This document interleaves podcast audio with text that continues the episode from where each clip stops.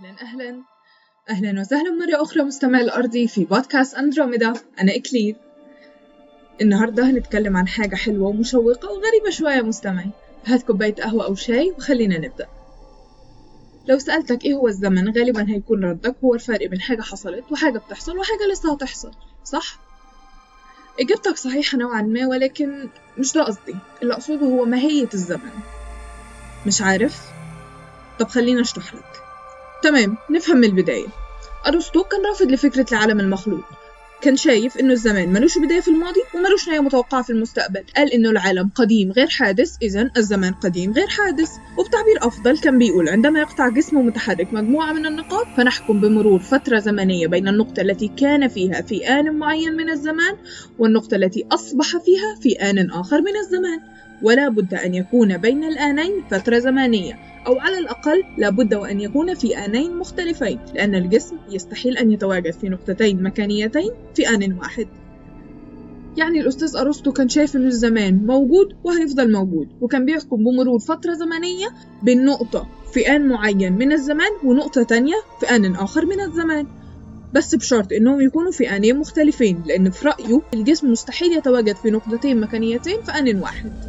وده اللي عرفنا بعدين إنه مش صح قوي بالنسبة لميكانيكا الكم وعلى الجانب الآخر الفلاسفة اللي كانوا بيؤمنوا ببداية العالم كانوا بيؤمنوا ببداية الزمان. يعني إنه الزمن له بداية وله نهاية وطبعا أشهرهم أفلاطون. خلاص نروح للعلم. إسحاق نيوتن كان بيقول إنه الزمن مطلق. لكن أينشتاين عكسه كان بيقول إنه الزمن نسبي. نيوتن كان شايف إنه في ساعة رئيسية بتظبط كل ساعات الكون. يعني هو أكيد ما كانش يقصد ساعة مادية ولكن المفهوم ده كان بيخدم قوانين نيوتن ويخليها تشتغل. وعلى العكس أينشتاين كان بيقول إنه الزمن نسبي ومستحيل يتفق مراقبين في مكانين مختلفين على نفس الحدث في نفس الوقت. طبعا يا مستمعي أنت عارف وحافظ المثال المشهور بتاع العربيات اللي كان في المدرسة اللي بيقول لو أنت راكب في عربية بتمشي بسرعة 70 كيلومتر في الساعة وعربية جنبك بتمشي بسرعة 70 كيلومتر في الساعة في نفس الاتجاه فأنت هتشوفها واقفة ولو في عكس الاتجاه فأنت هتشوفها بسرعة 140 كيلومتر في الساعة. بس المراقب اللي واقف على الطريق هيشوف حاجة غيرك كليا. ودي الفكرة من النسبية كل شيء نسبي حتى الزمن بيعتمد في المقام الأول على المراقب. طيب اسمح لي أصدمك يا مستمع وأقولك إنه الكون بتاعنا ده فيه 11 بعد مش 3 بس. آه والله 10 أبعاد مكانية وبعد واحد مميز اللي هو البعد الرابع بعد الزمن.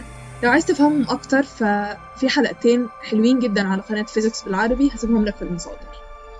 اللي يهمنا النهاردة هو البعد الرابع بعد الزمن اللي هو عبارة عن إننا جمعنا التلات أبعاد الأولانيين الطول والعرض والارتفاع في نقطة والتلات أبعاد تاني في نقطة تانية ونقاط كتير بقى. هنوصل بين النقاط دي في خط مستقيم. الخط ده هو الزمن. ولما انت تكون موجود في نقطة في الخط ده فالنقاط اللي قبلك تعتبر ماضي والنقاط اللي بعدك تعتبر مستقبل. والنقطة اللي انت واقف عليها اسمها حاضر. ولكن الماضي والحاضر والمستقبل هم في الحقيقة مش موجودين لأنه هم مجرد نقط على خط الزمن. مكانك أنت بالنسبة للنقط دي هو اللي بيخلق الماضي والحاضر والمستقبل. النقط دايما موجودة أنت المختلف طب خليني أسألك سؤال تاني يا مستمع ومعلش استحملني. ليه الزمن في الكون بتاعنا ده بيمشي من الماضي للحاضر للمستقبل؟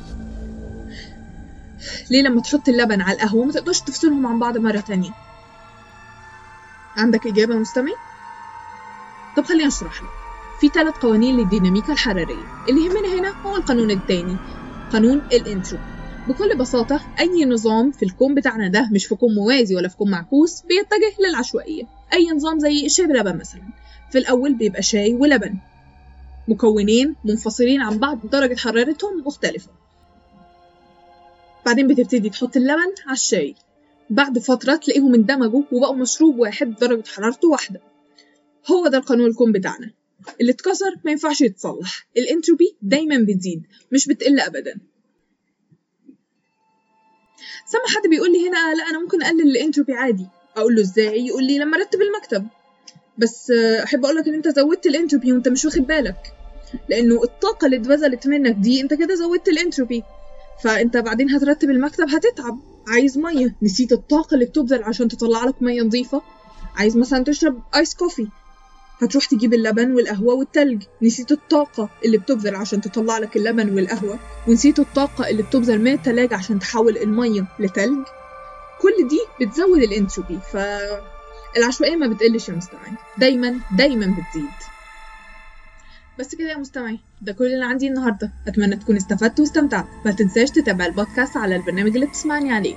ولو انت على يوتيوب حط like واعمل subscribe عشان ده فعلا بيساعد. واشوفك الأسبوع الجاي مع موضوع شيق تاني. مع السلامة.